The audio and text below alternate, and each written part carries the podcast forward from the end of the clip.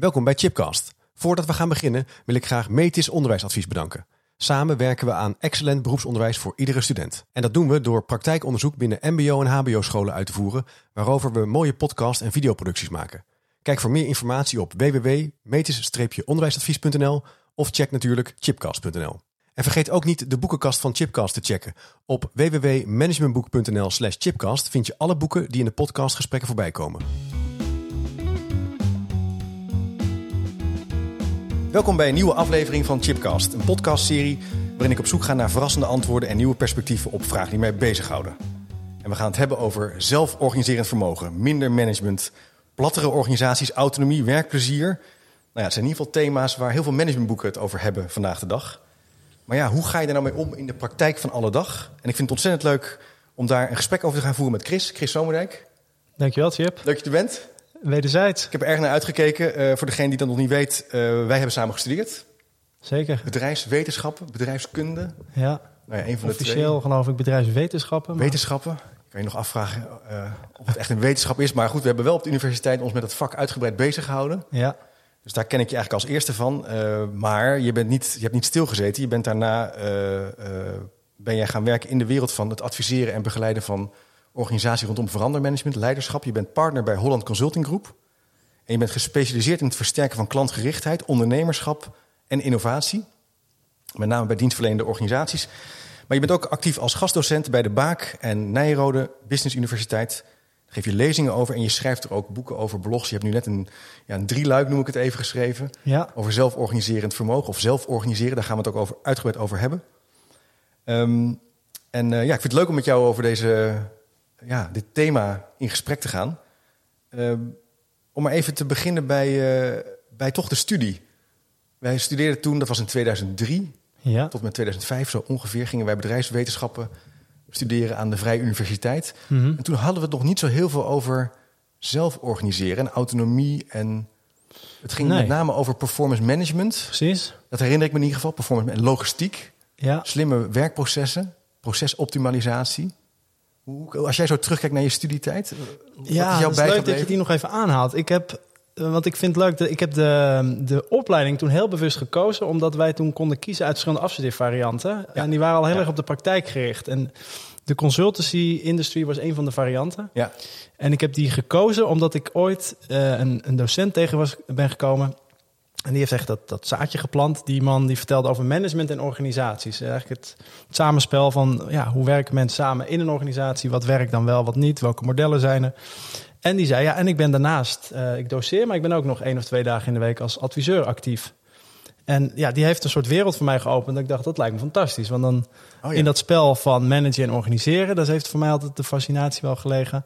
Maar ook de combi van, ja, daar kan je dus een heel enthousiaste verhaal over vertellen uit de praktijk. Eh, en dan kun je in die praktijk gewoon je bijdrage weer leveren vanuit het, eh, ja, toch een beetje de wetenschap of het, je docentschap. En, en daardoor koos ik toen ook voor eh, bedrijfswetenschappen, omdat ze die consultie variant hadden. ah, precies. Dus daar heeft denk ik, Je dacht de combinatie Merendeel. van verschillende werelden. Ja. Ook. Dat, dat is ook interessant. Niet alleen vijf dagen ergens werken, maar misschien verschillende, verschillende dingen plekken. doen. Ja, Ja, ah, ja leuk. En, en, en inhoudelijk, weet je nog wat je scriptieonderwerp was? dat weet ik nog heel goed. want eh, dat was een heel ambitieus traject. Ja? Dat was, eh, we gingen, we zouden op zoek gaan, zou ik het zeggen, naar de firm of the future. De professional service firm of the future. Oh, dat, Ik weet het nog heel goed, dat stond op een groot scherm. eh, ja, eigenlijk gepromoot. Wie heeft daar zin in? Dat was toen van Frank Kwakman, een van de Ja. eh, toenmalige partners ook van Holland Consulting Group. En uiteindelijk komt dan natuurlijk het gesprek tussen de, ja, je zou kunnen zeggen, de consultant met een ambitieus plan en de wetenschap en een wetenschappelijke docent, Meijnerd Flikkema, die zei van ja, maar dat kunnen we niet onderzoeken. Dus ja. het is uiteindelijk helemaal afgebakend naar eh, ondernemerschap en klantgerichtheid of marktgerichtheid bij middelgrote advocatenkantoren, want dan hadden we een mooie onderzoekspopulatie. Eh, dus ja, wat betekent ondernemerschap en marktgerichtheid voor die groep? En uiteindelijk, want daarom is dat best voor mij een, eh, een heel leerzaam traject geweest, maar er is ook een heel. De resultaten waren dusdanig dat eh, de Orde van Advocaten dat toen heeft omarmd en er een heel congres omheen heeft georganiseerd. Kijk, kijk. Dus het was wel mijn, mijn toetreding toen ook tot Holland Consulting Group, waar ook toch altijd wel de, de wetenschap, doseren Ja, en ja. de praktijk hand in hand gaan. Leuk. Dus, uh, Interessant, ja, want de, de, advocatuur is ook wel behoudend in zekere zin, denk ik, Ja. eh, hoe ik het heb, hoe ik ermee heb uh, in aanraking mee ben gekomen. In ondernemerschap is natuurlijk een spannend thema voor die beroepsgroep, kan ik me voorstellen. Ja. Ik weet ook nog heel goed dat we dat toen ook rondom het uitkomen van de ondernemende professional, dat was toen ook wel de boodschap was natuurlijk toen al eh, ja, heel plat van alleen je vak bijhouden eh, is niet meer genoeg. Nee. Er wordt meer van je gevraagd en nou ja, wordt meer gaat de luiken openen, verdiep je in die opdrachtgevers in de markt. En eigenlijk was het, het ging nog veel te goed. Dus uh, op een Oh ja. heel aantal, we kregen we toch vaak te horen, ja, ik snap het, leuk verhaal, leuke voorbeelden, maar voor ons geldt dat niet. En Nee, we zijn gewoon druk we zijn druk. eh, met, met, met, met werk doen. En, Ja. ja, waarom? Ja, ja, ja, ja. Dus ik denk dat dat, ja, goed. Leuk, maar je hebt een aantal prachtige boeken medegeschreven. Er liggen hier een aantal, de, aantal, de ondernemende professional. Ja. Ik ze ook even op de website plaatsen. Maar ook een boek over, ja, zoals ik het even, het is niet de goede titel, maar over hardlopen, over doen in beweging komen. Dat Zeker. bewegen en sport is daar met name bij mij bijgebleven. Ik heb een aantal van jouw lezingen daarvan uh, bij mogen wonen. Ja, En, en we gaan het in deze podcast hebben over zelforganisatie. ja. En uh, dan moet ik al denken aan Simon van der Veer. Die had eerder een boek geschreven over de vanzelforganisatie. Die zei, ja, het gaat eigenlijk al allemaal vanzelf. Ja, Hoe, um, maar toch, blijkbaar is dat belangrijk om ons mee bezig te houden. Hè? Zelf organiseren. Hoe, hoe, kijk je daarnaar? Kan je, kunnen we het eens verkennen wat, wat we daarmee bedoelen in, in de wereld van werk? Ja, dat is een hele goeie. Want ik denk dat we daar soms in de praktijk te snel overheen stappen. Hè? Dus dan is het zo een term waarvan ja, toch vaak het management denkt dat is, dat is nodig. En volgens mij zit de logica er vaak in. Uh, onze omgeving verandert. Of je nou een onderwijsinstelling bent of een commerciële instelling. Hè? Dus die, die omgeving die wordt steeds uh, dynamischer, zeggen we dan natuurlijk heel snel. Daar willen we op inspelen.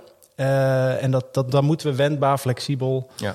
uh, zijn. En dan wil je natuurlijk vooral medewerkers die daar ook snel op in kunnen spelen. En die iets van ondernemerschap en zelforganisatie in zich hebben.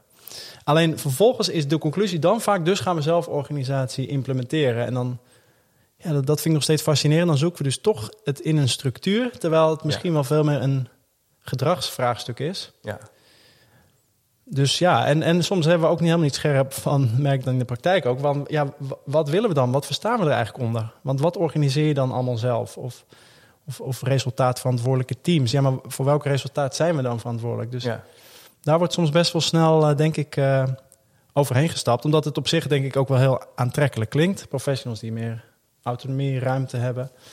Maar een heel aantal van de professionals die ik tegenkom zeggen daarnaast... ja, ik heb ook wel behoefte aan gewoon duidelijkheid en structuur. En, ja. Ja, die ken ik ook wel een paar, ja. En soms een basis had ook wel echt wel fijn geweest. Nu ja. moet ik heel veel dingen zelf doen. Dus of, nou ja, of die combinatie van een veranderende markt... en daar goed flexibel en wendbaar op inspelen... nou automatisch ja. moet leiden tot zelforganisatie... kun je denk ik een groot vraagteken bij ja. plaatsen. Ja, het, komt, het, staat ook wel hand, het wordt een beetje hand in hand gebracht... met minder management, heb ik het idee. Hè? We, zijn, ja. we zouden minder, het moet platter, uh, sneller... en uh, al, die, al die lagen moeten eruit.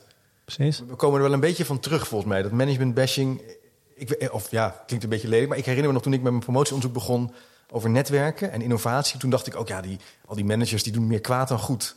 En we zouden eigenlijk geen managers moeten hebben, want dan gaat het veel beter en sneller. Maar we, ik denk dat we, ja, je, we komen er toch wel achter dat een bepaalde vorm van leiderschap ja. en leidinggeven wel nodig is. Precies. In een organisatie. En tegelijkertijd wil je dat zelforganiserend vermogen niet kapot organiseren. Ja. Want dat, dat is eigenlijk ook nadenken en leren in zekere zin. Dat je dus wendbaar bent, dat je ja. inspeelt op ontwikkelingen die er kunnen zijn. Precies. Ja. Ja, dus ik denk dat dat is misschien ook wel een spagaat die je beschrijft. Van, maar ook natuurlijk veel managers worstelen van... Dus wat jij ook beschrijft is denk ik de... Staat ook in een van de artikelen. Dus de, de sturing is volgens mij nog steeds heel erg nodig. Ook bij een zelforganiserend team. Die heeft heel erg behoefte aan een stuk ah, duidelijkheid, ja. kaders. Uh, ja. ja, wat, waarvan je zou kunnen zeggen... dat is natuurlijk ook een gebied wat vaak door het management wordt neergezet. Ja. Een vorm van management of leiderschap. Ja. Dus ik geloof ook dat het nog steeds heel erg nodig is. Maar laat dan alsjeblieft ook vooral in de uitvoering... geef daar dan weer in vertrouwen en ruimte om... Ja. dat op een goede manier in te richten. Een beetje, volgens mij zijn Willem Mars ook altijd... Het, je moet het wat en het hoe onderscheiden. Dus op dat wat mag best het management, de leiding... heldere uitspraken geven, focus aanbrengen. Maar laat het hoe nou aan de professionals in het veld, zeg maar, over. Dat is wel mooi wat je zegt. Dus er is wel degelijk vorm... en er is wel degelijk sprake van een bepaalde vorm van sturing... Ja. Die is ook nodig. Denk maar ik de wel, uitvoering, ja. daar is eigenlijk heel veel ruimte. Precies. Dus het is niet zwart-wit. Nee. Uh, en het is ook dus niet alles naar beneden doordelegeren. Hè, dus ook het wat doordelegeren en alles. Hè, dat zie je ook vaak als het doorslaat. Dat ja. die teams alles zelf mogen bepalen. En dan, ja, dan krijg je natuurlijk... Ja, uh, kan jij niet gewoon zeggen, jij bent toch de baas? Wat ga jij dan doen? Uh, Ja. Ja. En dan denkt die baas van ja, maar dat mag niet meer, want we zijn aan het zelf organiseren. Ja. Dus ik moet loslaten. Ja, ik moet dan- loslaten. Dat heb ik geleerd van Chris. Of, Ja, nou ja, hopelijk niet Nee, van hoor, mij, maar dat is wel dan soms. Ja, maar dat, nee, dat is wel zo. Ik moet loslaten nu. Ja, ja. Maar ja, dan Klopt. denkt hij natuurlijk, dan valt het kapot. Laat ik het los en dan... eh, dus het is de, het is de, de Het is middenweg. Ja, het is het, het hanteren, volgens mij noem ik het ook zo in die artikelen, van de hanteren van een balans tussen aan de ene kant richting geven Ja. en aan de andere kant heel veel ruimte kunnen geven. Ja. En Ja. ik denk als je dat op een goede manier in het samenspel weet te doen, dan, dan lukt dat. Maar ik heb het interessante in de praktijk is volgens mij vaak dat een aantal van de organisaties waar ik nu rondloop, daar zijn we dan gestart vanuit een koers, visiedocument met zelforganisatie. En dan blijkt het eigenlijk niet zozeer te zitten aan die ruimtegevende kant, maar is er heel veel werk te doen eigenlijk weer aan de sturende kant. Ja. Dus geven de teams eigenlijk aan, ja, het ontbreekt ons aan nou, de dingen die we komen misschien straks ook nog op, aan, aan, aan kaders, aan duidelijke doelstellingen, aan ook een stuk ondersteuning. Eh, en dan is de gedachte heel snel, ja, nee, maar nu moeten jullie het zelf Ja, doen, ja, ja, teams. En dan, dan krijgt volgens mij Dat is zelforganisatie een interessante paradox dus. Hè? Je zou denken, we moeten dus gaan werken aan, die, aan het zelforganiserend vermogen. Ja, En daar moeten we dus mensen bij elkaar zetten en nadenken. Terwijl je eigenlijk dus ziet, nee, het gaat, die ruimte ontstaat als er een bepaalde vorm van sturing is. En daar Precies. moet je ook eens aandacht aan geven in een verander- of ontwikkelproces.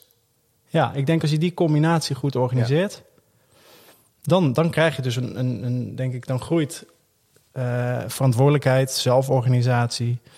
Dan gaan mensen lekker aan de slag. Ja. Ik moet denken aan, eh, ik had ook een, een oud collega van mij, Arne Gillert, een Duitse collega, die zei ja, eh, zelforganisatie, of had het dan over spelen en innoveren, heeft eigenlijk een beperkte ruimte nodig. Dus kaders zijn juist belangrijk. Ja, Want als je de kaders hebt, weet je waar de vernieuwing kan zitten. Dan kan je er ofwel overheen gaan, ofwel daarbinnen zoeken precies. naar wat er mogelijk is. Maar als er niks is, dan kunnen professionals denken, ja, Het verlamt dan eerder. Of het verlamt eerder en het is misschien ook wat te spannend in zekere zin. Ja, Wat verwacht je dan van me? Ja, en dan zie je toch snel weer.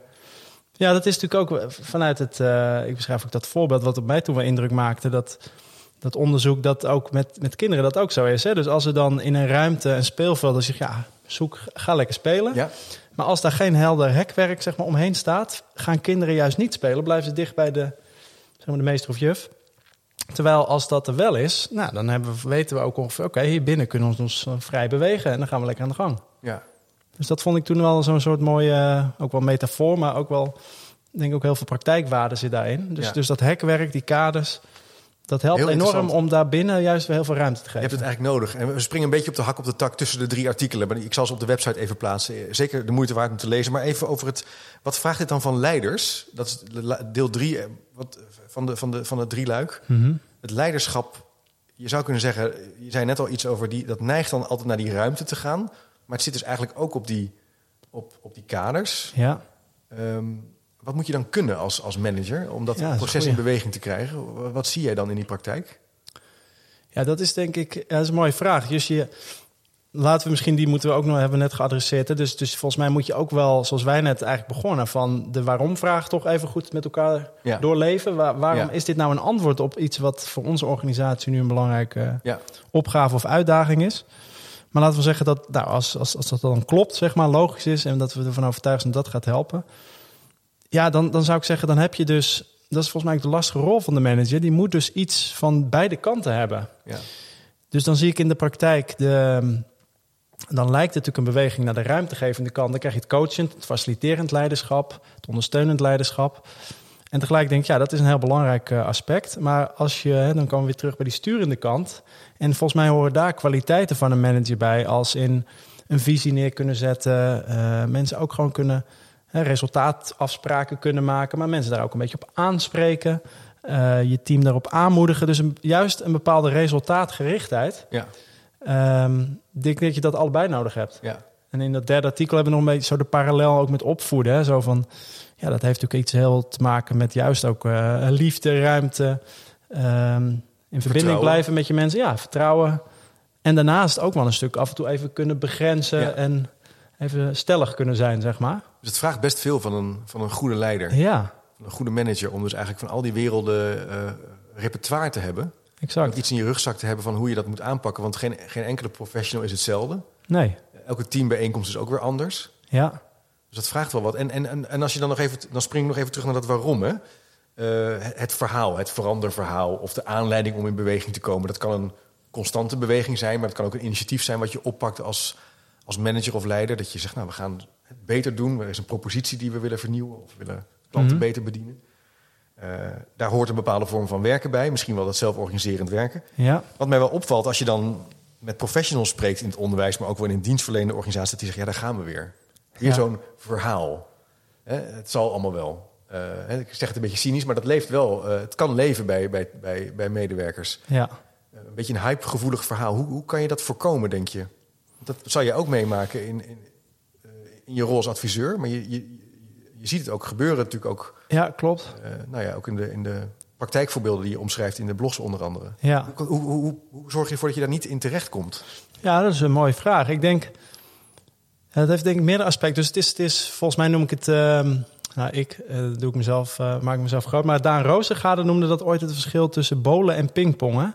Ja, En, en dat vond ik wel een treffende metafoor. Dat hij eigenlijk zei, ja, weet je, vernieuwing en verandering ontstaat eh, niet door te gaan bowlen, zo omschreef hij dat. Want dat, dat ziet hij dan in de metafoor als een bal die door een klein clubje, het management, wordt opgepoetst.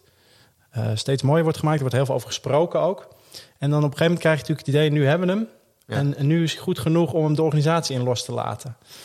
En dat vond ik wel mooi. Ja, die, en die bowlingbal, als hij die loslaat, dan kun je hem ook niet meer bijsturen. Nee, dan gaat en hij dan gewoon. gaat hij met een gigantische vaart. En stel, dan, weet niet of je die medewerkers kegels moet symboliseren, maar dat komt dus toch wel, dat komt dan op je af. En Ja. dan mag je niet meer zoveel van vinden. En dan raakt het eigenlijk daar pas aan die praktijk of aan die medewerkers. Of, Ehm, en dat zei ja, dus dat, dan krijg je denk ik het gevaar dat er ja, een soort van twee werelden ontstaan. Hè? Dus dan heb je de wereld van de, van de wenselijkheid, de plannen, dat zit in die bal. ja. En de werkelijkheid, dat zijn eigenlijk de medewerkers die dagelijks bezig zijn met Ja. het operationeel proces. Terwijl hij zei, als je dat nou in pingpongverband zou doen, en langs die metafoor, dan zou nog steeds het management best met dat idee natuurlijk kunnen gaan starten. Maar ga dan heel snel in gesprek met de medewerkers eh, over ja, of dat überhaupt een handig concept is, hoe het moet worden ingevuld, wat randvoorwaarden zijn. Eh, en dan kom je natuurlijk ook op eh, onze vriend Simon van de vanzelforganisatie. Ja, ga ook eens kijken, wat loopt er eigenlijk al zelforganiserend? Is die beweging al gaande? Ja. Zijn er al mensen op een bepaalde manier aan het werken? Ja, en, en want dat is. Ja, we gaan inderdaad een beetje van de hak op de tak. Maar dat aan- en uitdenken zit er dan al vaak sterk in, alsof het er nog helemaal niet is. En, en volgens mij zit er in heel heel veel ja. teams al, al heel veel zelforganiserend vermogen. Ik bedoel, Ja. die, er wordt dagelijks al onderwijs gegeven. We zijn heel verantwoordelijk al voor, voor onderwijsbegeleiding, roosters. Ja, en dan misschien met deze ontwikkeling zeg je, er komen een paar dingen bij. Ja. Hè, dus dan moet je misschien ook meer inzicht gaan krijgen in de financiën. En dan gaan we. Is HR niet meer. Maar dit vraagt ook, eh, wat- wat ik hier eh, wel een belangrijk punt aan is, is dat je ook het vermogen moet hebben als manager of leider of om, om echt geïnteresseerd te zijn in het verhaal Ja. van die ander. En ook, het, ook die praktijk te, te begrijpen. En wat je wel eens, wat ik wel eens zie, is, is dat, er, dat mensen te veel geloven in hun eigen verhaal. Ja, En ook niet meer bereid zijn bij te sturen. En dan zijn ze eigenlijk die bowlingbal geworden. Ik vind het wel een hele mooie metafoor. Dan is het eigenlijk zo van, kan niet zijn dat dit plan niet klopt. nee. Want ik heb het gewoon bedacht. Ik ben er super trots op. Ja. Eh, Arend Ardon heeft natuurlijk ook eh, o- veel over geschreven. Ja. Eh, Al die, die, die eh, feedback, ja, die, dat, daar ga ik heel defensief op reageren. Want stel je voor, Ja, wat jij eigenlijk zegt... je moet eigenlijk het vermogen hebben om dan te kunnen verbinden. Om vragen te stellen, om het verhaal eigenlijk met elkaar. te met elkaar te Ja. maken. Ik denk dat dat de essentie wel is, ja. En dan, of dan met een onaf plan al starten, weet je. Maar het zit heel erg in het samenspel. En ook beseffen dat het...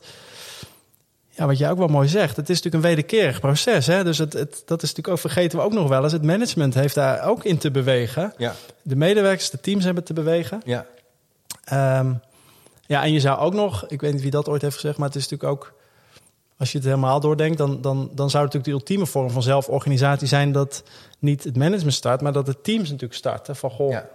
Beste management, ja, die, die manager van ons, hoe jij startte bij de inleiding, die hebben we eigenlijk niet meer nodig. Nee, wij vertellen het zelf wel. Hij vertelt zelf wel. Maar dat vind ik ook wel leuk om aan jouw manier van kijken. Je, eh, ook in, in de introductie, je bent ook wel heel positief. En ook wel, eh, je, je gelooft ook echt in die energie van mensen. Ja, Eh, en jij schreef ook in een van de, voor mij was dat de eerste blog, van die improductieve zaken vergroten. Dat dat een neiging kan zijn. Hè? Om, ja, het is wel leuk dat je dat wilde klantgericht zijn, maar ja, we, de, de koffie is heel slecht en we hebben een hartstikke hoog ziekteverzuim. ja Wat een onzin, weet je wel. Dus het, nadruk leggen op wat er allemaal niet kan. precies. En jij zegt eigenlijk volgens mij, dat moet je dus proberen te voorkomen. Of, of- maar hoe ga, je daar, hoe ga je daarmee om dan? Want het kan dus wel gebeuren dat mensen Ja. zeggen, ja Chris, leuk, Ja. maar... eh, Nee, eens. Ehm, ja, daar komt een wa- wat genuanceerd antwoord, denk ik. Maar volgens mij is de... Ehm, het heeft volgens mij in ieder geval twee dingen die het bij me oproept. Dus ik ben inderdaad van de positiviteit. Ik denk dat dat veranderen en bewegen veel makkelijker gaat als mensen daar ook bepaalde zin in hebben. En, en dat gaat ook ongemakkelijk zijn, maar ja, vertrek vanuit positiviteit. En dat heeft dus ook met dat soort dingen te maken. Vertrek ook van wat er al is. Ja. Kijk nou eerst eens rond wat er al zelf organiserend in dit geval loopt en wat er dus nog verbeterd kan worden.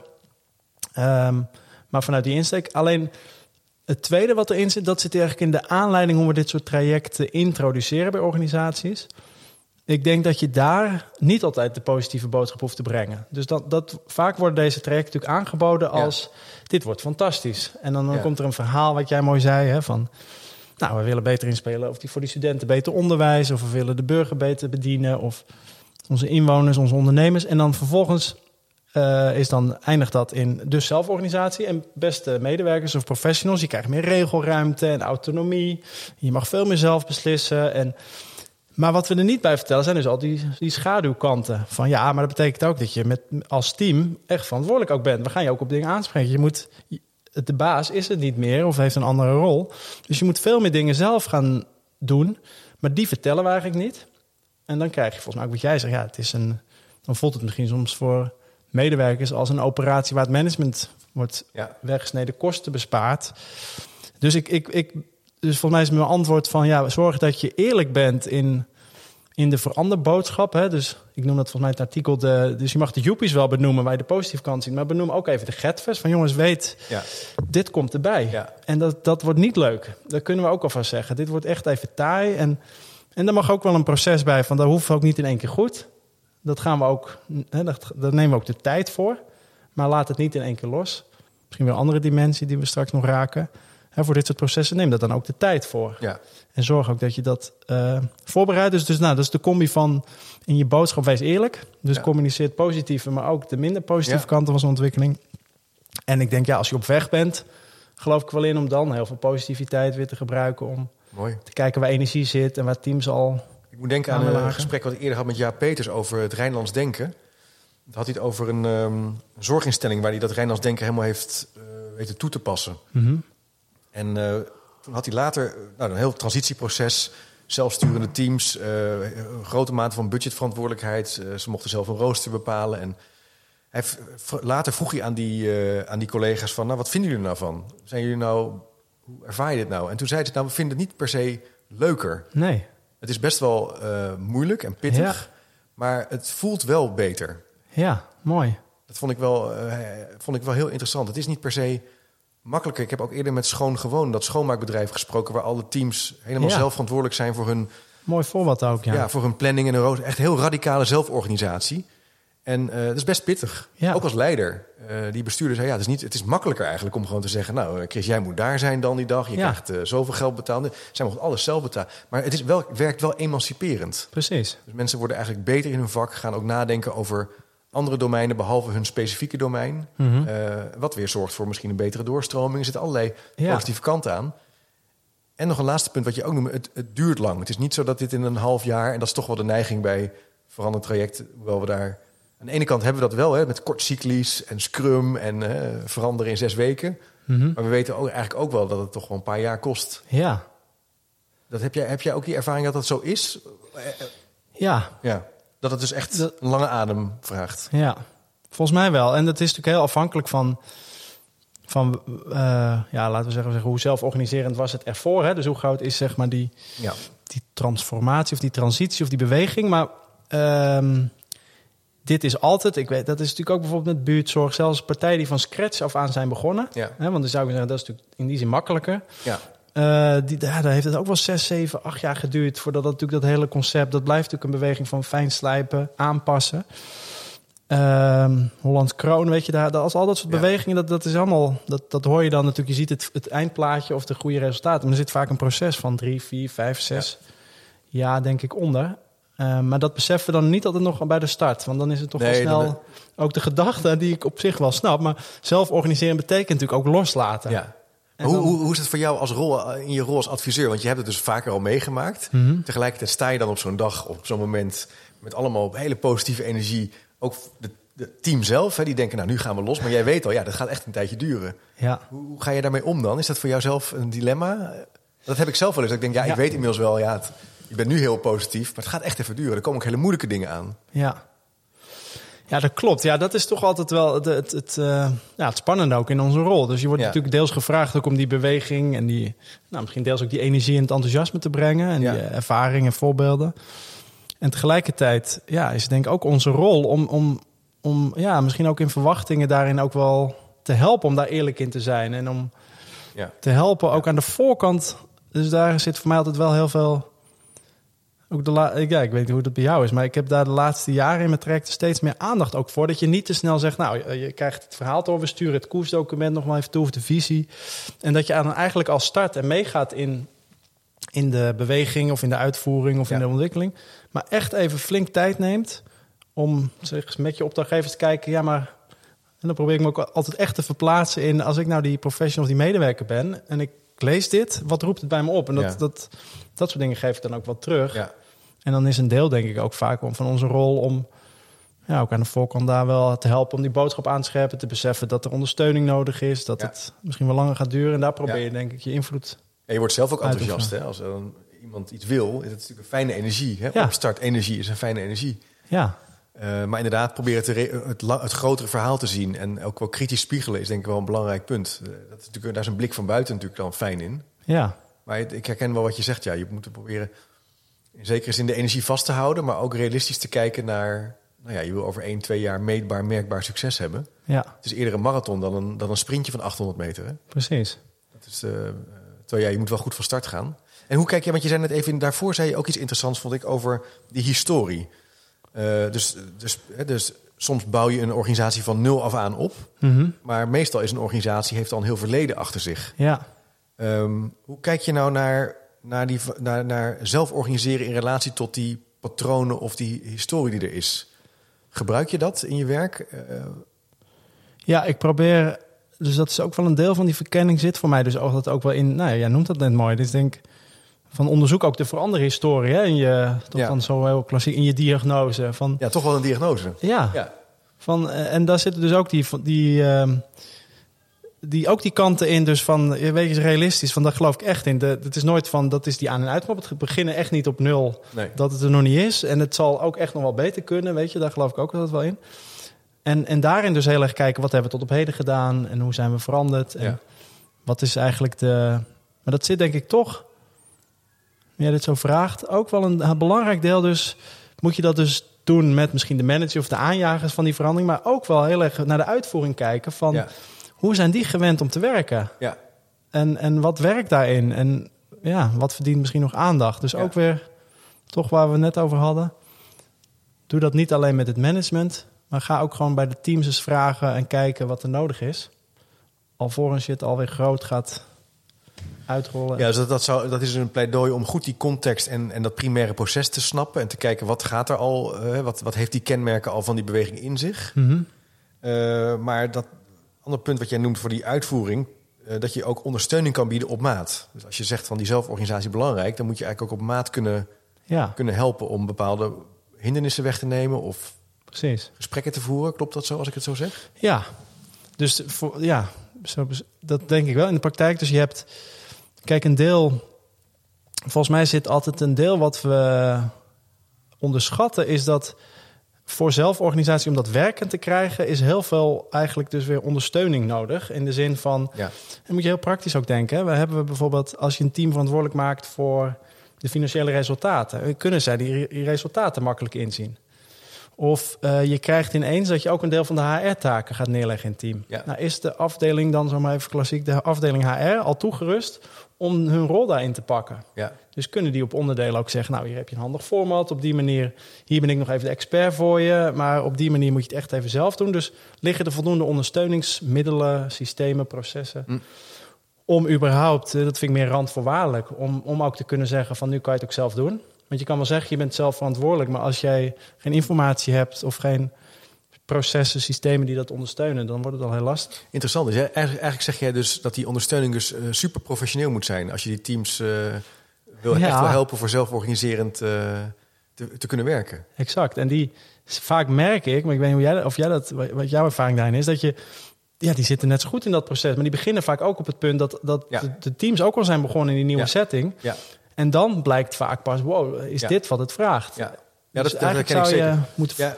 Ik wil ook aan zitten denken, wat mij ook opvalt in die ondersteuning, is dat ze, dat ze ook ondersteuning zou zeggen, betekent ook letterlijk in het woord het prim, hè, helpen, Ja. ondersteunen. Maar vaak zie je ook wel dat ondersteuning eigenlijk wil sturen. Ja, En eigenlijk over wil nemen. En eigenlijk ook ideeën heeft over hoe het beter kan. En dus eigenlijk stiekem hè, sturen via de staf. Mhm. Dat zou als patroon. ehm, waarin hè, heel klassiek de HR-medewerkers eh, de opleidingen gaan bedenken voor het primaire proces. Ah, dan schiet hij wel heel ver door. Schiet je wel van dat kan gebeuren. Dat zie je wel. Dat, eh, of dat ze allerlei ideeën hebben over dat format. En dat dat format helemaal is vastgelegd. En dat allemaal beter Ja. zo, zo, zo moet. Dus daar krijg je ook een soort rolopvatting van waar houdt mijn rol op? Waar begint mijn rol? En hebben Ja. we dat gesprek over help jij mij of stuur ik jou aan? Precies. En, dat, en jij zegt eigenlijk dat moet je dus wel met elkaar helemaal doorakkeren. Ja, en het liefst, denk ik, zou je daar al, wat jij mooi beschrijft, ook die ondersteuning, zou daar al, ik bedoel net hoe je het aanvliegt, maar als je dat grootschalig teams anders gaat structureren, dan is het denk ik heel fijn als de ondersteuning alvast ook met het team, maar heeft nagedacht, zijn we er al op toegerust. Ja, ja, En de- ik denk dat dit, ik noem dat ook een stuk van, hè, dus in die kaders eh, zie ik eigenlijk vaak vier dingen die je in die sturende kant nodig hebt. Dus één is de, ik noem het in het artikel de focus, dus ja, helderheid hebben Ja. over wat zijn dan de resultaten of waar zijn we dan van. Twee, dit gaat over wat jij mooi benoemt, eh, ik noem dat dan regie. Dus hoe spelen we het spel met elkaar? Wie doet dan wat? ja. En dat moet ja, ook op een gegeven moment zo praktisch worden dat een team zegt: Oké, dus wij zijn hiervan. Maar dan is de ondersteuning wel hiervan. Weet je wel? En dat is eh, dat je ook weet waar mogen we elkaar dan op aanspreken en wat mogen we van elkaar verwachten. Eh, dus die is super belangrijk. En ik denk ook eh, gedrag. Dus dat we ook met elkaar afspreken hoe willen we dan met elkaar omgaan in die nieuwe setting. Die dynamiek ook die jij omschrijft. Hè, van wat is dan professioneel of resultaatverantwoordelijk gedrag eh, onderling, maar ook naar elkaar. Hebben we daar afspraken ook over hoe we dat willen, ehm, hoe we dat voor ons zien en hoe we dat ook eh, meenemen om resultaatgericht te worden, zou ik willen zeggen. En de laatste is, ehm, ik heb het in het artikel no excuse genoemd, Ja, maar ja. is er een, is er een, ligt er een structuur onder? En dat vergeten we natuurlijk ook vaak. eh, ondertussen in het onderwijs, er moeten wel nog steeds studenten bediend worden. En dan willen we ook nog die organisatie ernaast ontwikkelen. Dus hebben we iets van een ritme of een structuur waarin we ook werken aan die, aan die ontwikkeling. En wat ik nog heel vaak zie, ik weet niet of je dat herkent, dat dan is op zich de, de plannen er wel en de aanpak, maar dan is het in de dagelijkse praktijk eh, toch lastig om dat vol te houden. Dus dan, Ja. dan wint ja, ergens de waan van de dag. Ja. Eh, en logisch natuurlijk, die, die kracht is altijd veel sterker. En dan krijgt die ontwikkeling eigenlijk te weinig ja, ritme, eh, Ja. opvolging. Het komt ook niet los eigenlijk. Hè? De- Nee, of het komt even los en daarna... En dan is het weer weg. En dan ergens moet er nog iets. Ja, dan, en dan voor je het weet, stopt, dan stokt zo'n ontwikkeling. Het, het klinkt ook alsof het ehm, risico wat er is, is dat het te vrijblijvend is. Ja, Dat je dan lekker met elkaar gaat zitten in een sessie. En dan, Ja. komt er, en dan nou, over vijf weken komt er weer een sessie. En iedereen heeft tussendoor krijgt een opdracht. Mhm. Nou, en dan, eh, hè, dan wordt er weer teruggekoppeld. Maar je, eigenlijk zeg je van ja, er moet een soort wel beweging in zitten, cadans ja. in zitten. Dat het ook echt leidt tot meetbare, merkbare stappen. Ja. En dat mag best eh, ook daarin. Hè? Dat hoeft niet. eh, dat zit dus heeft. Dus, dat hoeft dus niet in één jaar klaar. Maar je wil wel eh, iedere keer stappen maken. Ja, En in misschien wel een mooi voorbeeld ook vanuit onderwijs. Dan ik trek nu, nou, ik denk anderhalf jaar op, ook met een, een- dat noemen we het een soort ondersteuningsteam. Hè? Dus zij zijn niet meer het managementteam, maar zij ondersteunen de teams. En dat is heel grappig om te zien. Dan werken we systematisch iedere maand komen we bijeen. En ik probeer ze individueel ook nog te ondersteunen.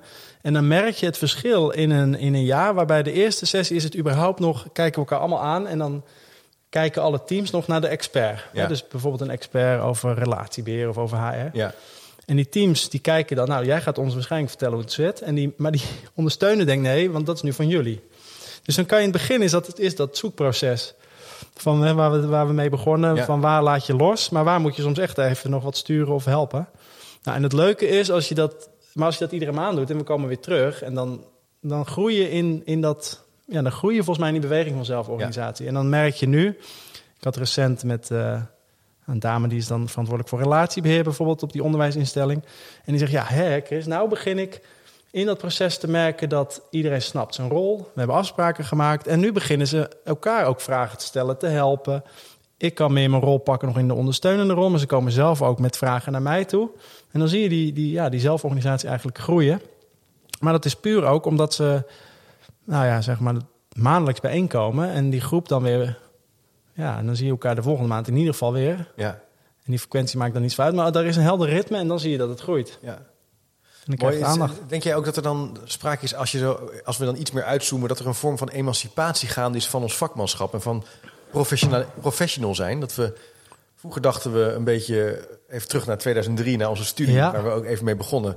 Nou, we moeten die professional eigenlijk ehm ontzorgen. Dus wij als manager moeten wij de koers uitzetten, we moeten een HR aansturen, wij moeten leiding geven over een. eh, dat, eh, dat zijn de managers vaak ook. Ik geef leiding aan 30 teams of Ja, 20 teams. precies. Onder mij, hè, al die metaforen. Ja, En als je eigenlijk dan even doorspoelt naar nu, zeggen we eigenlijk nee, die willen die vakman helpen om zijn werk zo goed mogelijk te doen.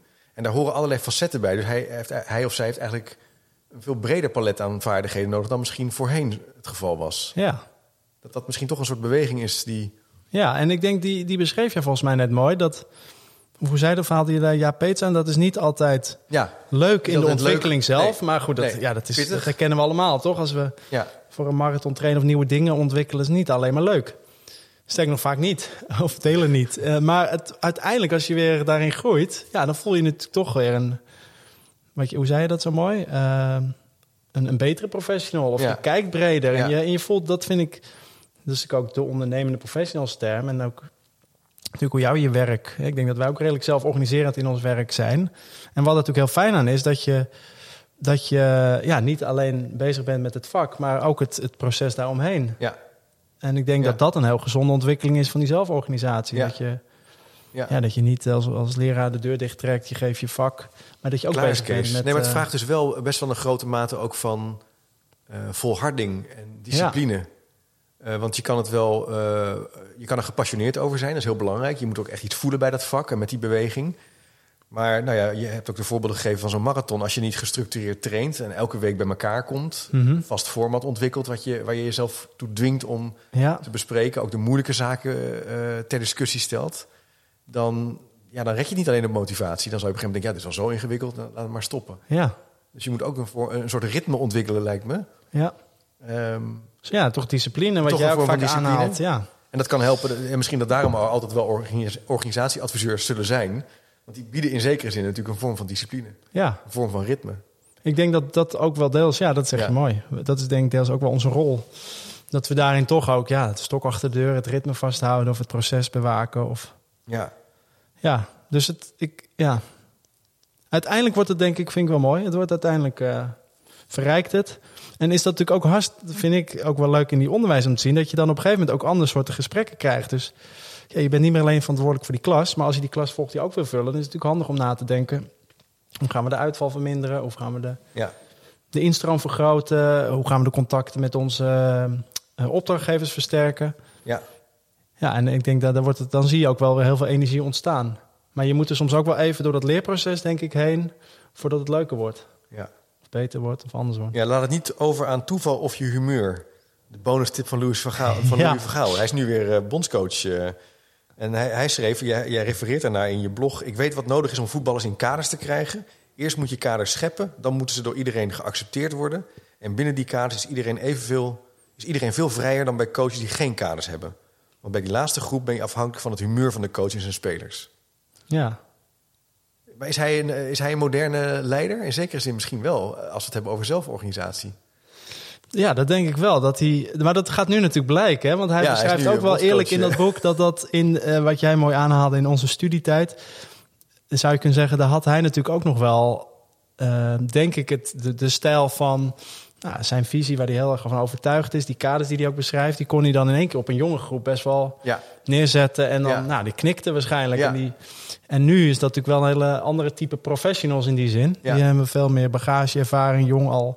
Maar dit is natuurlijk heel spannend. Want eh, Ja. als jij denkt van, eh ja, Amahula, beste eh, manager, dat ga ik helemaal niet doen. Wie ben jij nou om mij te vertellen Ja. dat we het zus en zo moeten doen? Precies. Of je denkt, hé, hey, wat leuk. Ik kan echt beter worden door wat hij of zij zegt. Ja, Dat daagt me uit. Precies. Eh, er zit ook wel een punt in.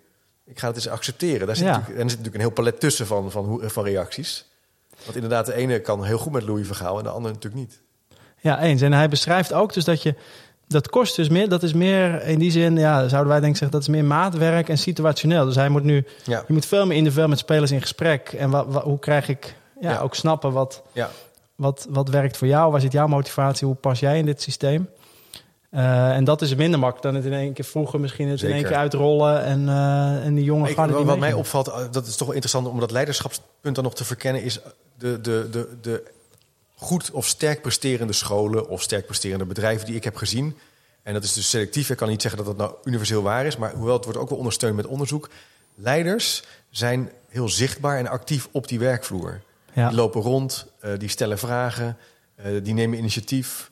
Uh, het is niet iemand die als het ware de deur dicht heeft of niks weet van het primaire proces. Dat vind ik ook zo'n punt. Ik heb het gevoel dat dat toch wel steeds duidelijker wordt. Ja.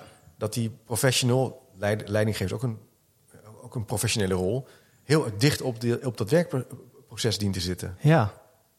ja, ik vind het een mooie beschrijving. Ja, dat, ik geloof dat ook. Dus ik vind het ook het best lastig als ze dan zeggen van ja, je hoeft niet van de inhoud te zijn. Ik vraag me dat ook af, ja. Want volgens mij is dat zeker bij professionals. Die willen ook weten dat jij dat snapt en dat, we, dat je ook ja, ja, dat je het vak en de operatie snapt. En dan nou, helemaal bij kennisintensief werk. Je zou kunnen zeggen, Hoewel, ik, ik, vraag me, ik denk, ik zou wel de stelling willen neerleggen dat dat altijd belangrijk is. maar misschien is er nu iemand die luistert die zegt: nou, Ik weet niks van mijn vak, maar ik ben een hele goede leidinggevende. Nou, dan moet je even aanmelden ja. de website. Maar ik heb ook het gevoel toevallig net nog een podcast opgenomen met Anna Bosman over onderwijsverbetering. Die zegt ook ja, en dat wordt ook wel gestaafd met wetenschappelijk onderzoek. Sterke scholen hebben sterke leiders. Ja. Want die leiders hebben de kans om met elk team of met elk teamlid een verschil te maken. Die impact, kans is heel groot. Precies. Als, als hij of zij te weinig tijd heeft, zichtbaar is, niet aanspreekt, uh, niet mensen uh, op scherp stelt om bij andere klassen te kijken of feedback te ontvangen, ja, dan ja. wordt het ingewikkeld. Ja, dus ik geef in dat artikel het voorbeeld van die, dat vond ik zelf wel een leuke die, van een tuinman eigenlijk. Hè? Dus dat je er ook naar kan kijken. En daar zit volgens mij datzelfde in. Hè? Dus ik beschrijf zo'n voorbeeld van uh, Chris Barendse, dat las ik in het Parool, met, die, die met zoveel liefde en aandacht um, het uh, Frankendaal, Park Frankendaal in Amsterdam onderhoudt. En volgens mij zit dat daar ook in. Die zei zo mooi van ja, je moet dus niet te veel ingrijpen, ook niet te weinig, maar je moet juist ingrijpen. Precies genoeg. Ja. Precies genoeg. En volgens mij zit daar de essentie dat om dat te kunnen, moet je dus, hij snapt natuurlijk wel, ja, in dit geval bij hem dan hoe die, uh, die, die planten groeien, wat daar nodig is. Maar hij is daar niet constant zelf mee bezig, want hij laat ook heel veel weer los. Maar soms moet je net even snoeien of iemand op een andere, een boom op een andere plek zit om het te laten groeien. En dat kan denk ik alleen als je toch ook wel snapt ja, wat snapt. Kijk, Je zou misschien kunnen zeggen, eh, ik moet toevallig denken aan uh, Toon Gerbrands, die interviewde Simon van der Veer in zijn podcast, daar was ik bij. En die zei, ja, die ASML-directeur, dat was een bevriend, bevriend iemand, daar was hij ook een keer geweest, een succesvolle organisatie. Mhm. Eh, die man die luncht elke dag als hij kan. En die is ook altijd s ochtends bij de koffie gewoon zoveel mogelijk op die werkvloer. Dus die heeft heel veel contactmomenten met het primaire proces. En Toon Germans zei dan, daardoor heb je heel goed voeling met de organisatie. En dan weet je heel goed wat er speelt. En dat maakt je een hele goede leider als je daarnaar acteert. En als je agenda helemaal vol zit, dat was zijn punt.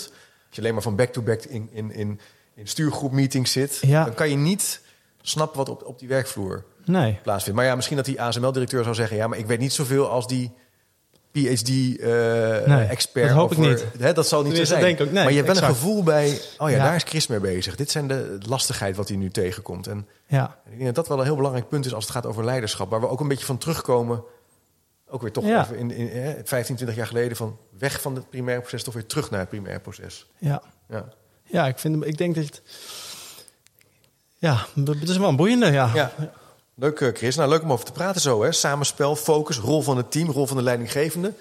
Um, zelforganisatie. Mooie, uh, mooie drieluik heb je geschreven. Ik zou uh, de luisteraar zeker aanraden om even naar uh, management site te gaan. Overigens, maar ik zal het even linken op chipcast.nl. Daar vind je ook de linkjes naar, naar de blogs. Kan je een gratis account aanmaken.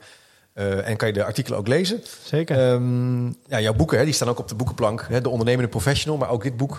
Met ook voorbeelden in het onderwijs. Inspirerende onderwijsidee. Omdat het wat doet heb je geschreven samen met Theo Blom. Ja. Um, en uh, daarvoor heb ik je toen een keer gezien op een congres overigens. Een heel leuk verhaal. Dus die zal ik ook even op de website zetten van het Graafschap College. Uh, Chris, dankjewel voor je tijd. Graag gedaan. Leuk dat je in de podcaststudio wilde komen. Um, als je nu luistert en je wil meer informatie ontvangen, uh, bijvoorbeeld een nieuwsbrief, ga dan even naar chipcast.nl slash doe mee. Dan krijg je om de week gratis en voor niks de nieuwsbrief. Ik zeg altijd maar zo, wie wil dat nou niet? Tot de volgende keer maar weer.